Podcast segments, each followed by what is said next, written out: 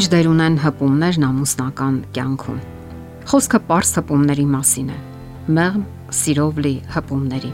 Ինչն այնքան կարևոր է ամուսնական հարաբերություններում եւ ինչի համար էլ այն նախատեսված է։ Նկատվել է, որ հասուն մարդկանց դեպքում հպվելու պահանջն ավելի ուժեղ է, քան սեռական հարաբերության պահանջը։ Հպման պահանջը դրսևորվում է արդեն ծննդյան օրից, եւ դրա բավարարումը հավաստիացնում է նորածնին այն բանում, որ իրեն սիրում են։ Գրկախառնություններն ու փաղաքշանքները մեծապես կարևոր են նրա զարգացման համար։ Երբ երեխաները բավարար չափով հոգատարության եւ սիրո նման դրսևորումներ չեն ստանում, հուզականորեն անկայուն անznավորություններ են մեծանում։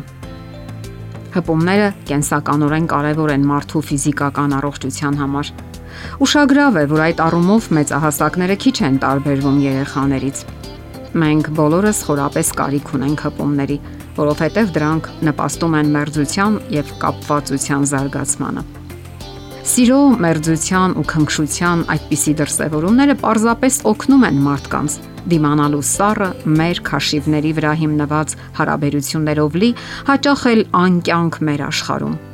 Բոլոր մարդիկ էլ ունեն հոգեկան ու ֆիզիկական շփման կարիք, որն իր օրինական դրսևորումն է գտնում ամուսնական միության մեջ։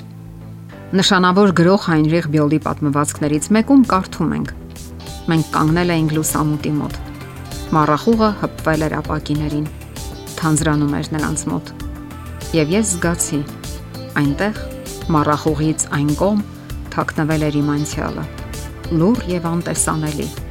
սառը քրտինքի եւ սարսափի օրերը, ամայությունը, հիվանդ առօրյայի ծվենները, անօքնականությունը, ուժերի վատնումն ու շռայլումը, ապարդյուն կորած կյանքը։ Բայց այստեղ, ստվերի մեջ, իմ կողքին ապշեցուցիչ մոտիկ նրա կամացուկ շնչառություններ,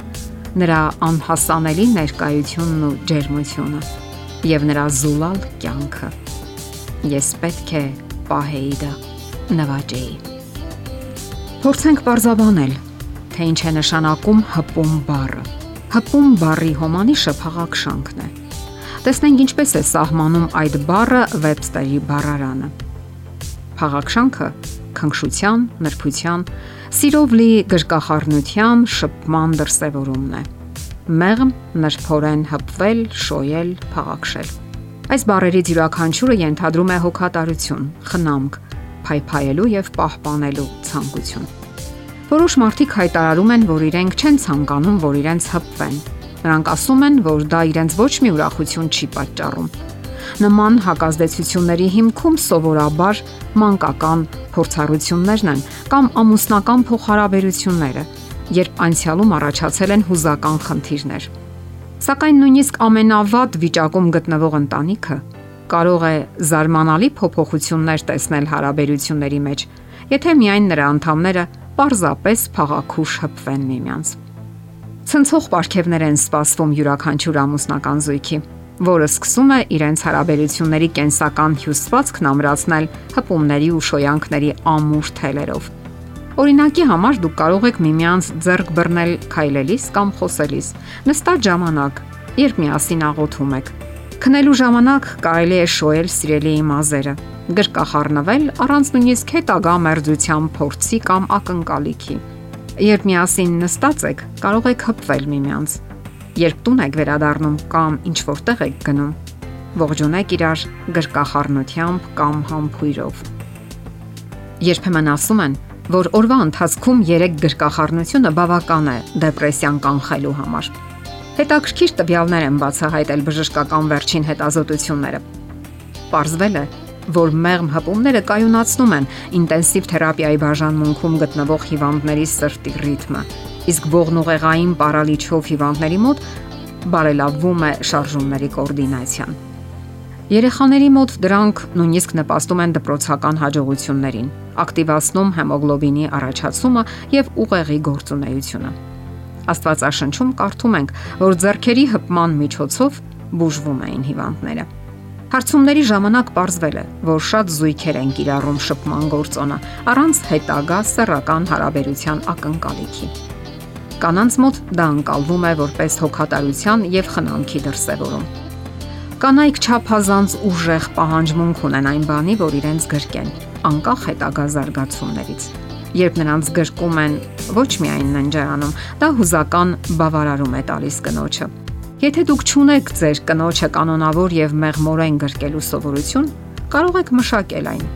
Դա ջերմ զգացմունքներ է ստեղծում, հոգեբանական բավարարվածություն եւ հուզական անվտանգություն։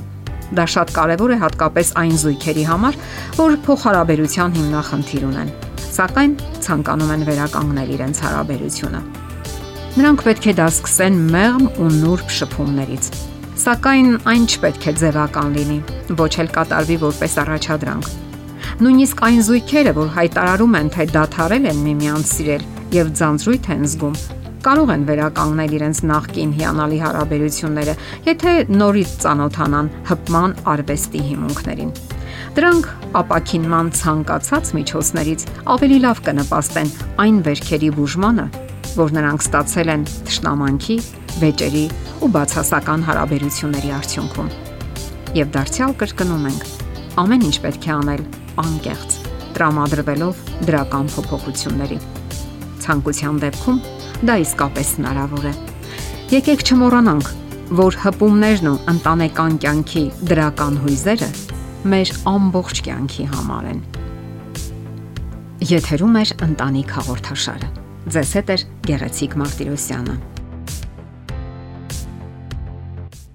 Հարցերի եւ առաջարկությունների դեպքում զանգահարեք 041 08 20 93 հեռախոսահամարով։ Հետևեք մեզ hopmedia.am հասցեով։